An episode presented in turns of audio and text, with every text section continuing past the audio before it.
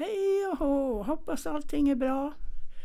Jag mår då bra och jag får säga det, det var lite tekniska fel innan jag började och så kommer ju Mattias då, han är ju super, super, super som fixar för mig. Verkligen underbart att vara här på Kaleido och få hjälp med sånt där. Helt fantastiskt. Eh, jag måste få säga en sak. Jag har aldrig haft finnar i hela mitt liv, och jag minns i alla fall. Nu har jag en i ögonvrån. Ah, en finne. Har jag kommit på budgeten igen eller? Ja, ja, jag vill bara säga det. Herre jösses. Sen har jag sett en film. The Father med Anthony Hopkins i huvudrollen. Och herrejösses vad jag grät. Tårarna rann. Jag säger, han, är, den, eh, eh, han, han spelar, alltså han är 80 år eh, men i hans ögon finns ingen anledning till oro.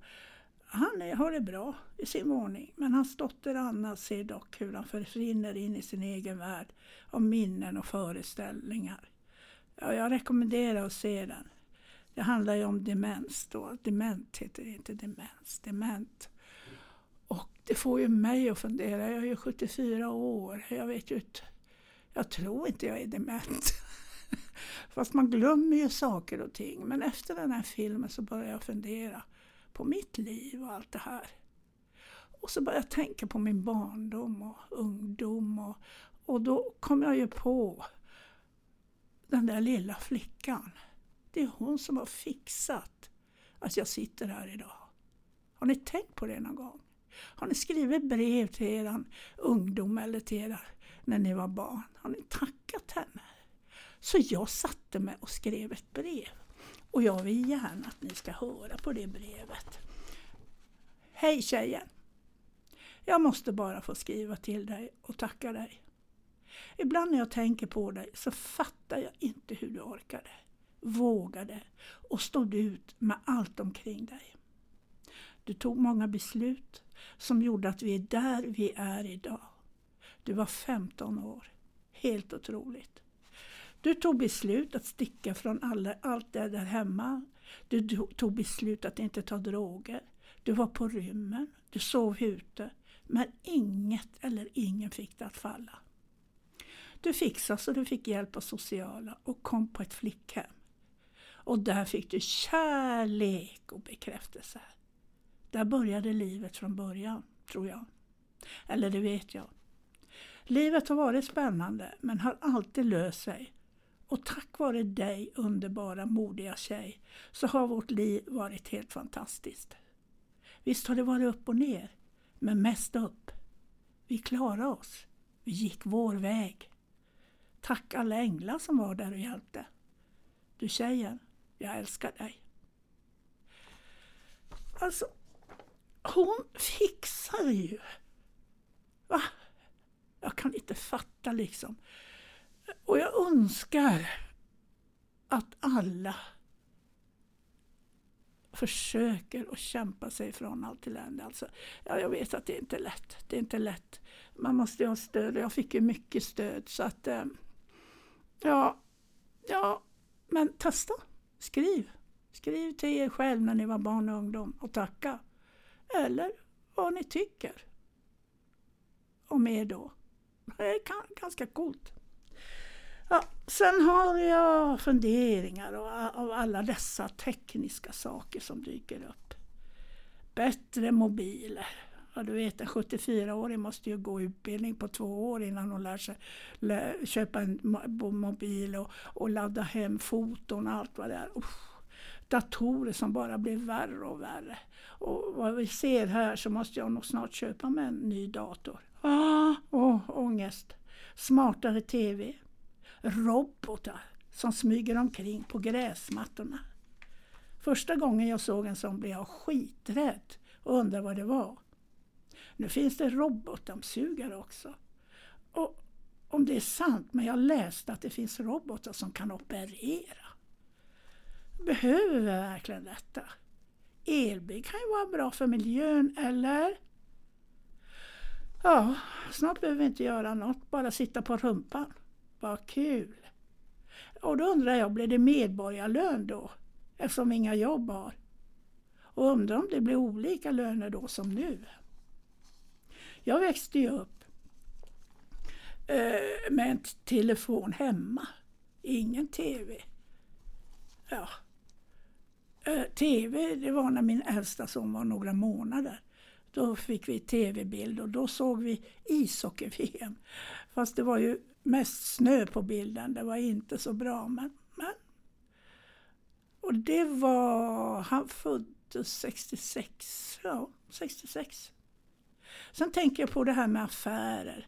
Det fanns speceriaffärer då när jag var ung. Köttaffärer, bara kött. Fiskaffärer, bagerier. Ja, och klädaffärer för sig. Men idag finns det nästan allt på ICA, Ica Quantum eller Coop eller ja, herrejösses vad allt har förändrats. Då är ju frågan, har vi förändrats? Jag såg ett program på SVT1 som heter Sverige möts. Det var från fritidsgården i Kärna Ängar i Borlänge. Ett av de utsatta områdena i Sverige. Där var det en pensionär som bor på ett seniorboende. Jag vet inte om jag får säga hans namn. Ja, Ulf hette han då i förnamn. Uh, när han flyttade in där och bott ett tag så blev hans bil uppeldad. Cykeln blir stulen. Och de blir trakasserade. Och jag har ett inslag här, jag ska berätta lite här. Alltså de, eh, de, de fick ju nog. Ulf fick nog och letade efter hjälp och fick kontakt med en somalisk förening. Och det löste hela situationen. För hela hösten och vintern så gick de runt våra hus på nätterna. Och det här gjorde ju att allting blev bättre. Och han är så irriterad att, att vi sitter hemma och svär över alla invandrare och blir mer och mer hatiska. Det byggs upp ett motstånd och det vill jag motverka. Varför inte ha möten? Varför inte ha träffar där man kan, där man kan eh, mötas och lära lite av varandra? För vi är ju alla människor. Och han är idag tacksam för hjälpen och är själv ideellt engagerad nu med att bland annat övningsköra med ungdomarna. Vi måste mötas, vi som bor på de olika områden. Det är jätteviktigt. Ja, och, så, och så fick jag se då eh, att vi måste ju sluta. Vi och dem säger vi. Men vi alla är vi. Och vi måste hjälpas åt alla. Jag kommer ju från Göteborg och det tog länge innan jag fick vänner.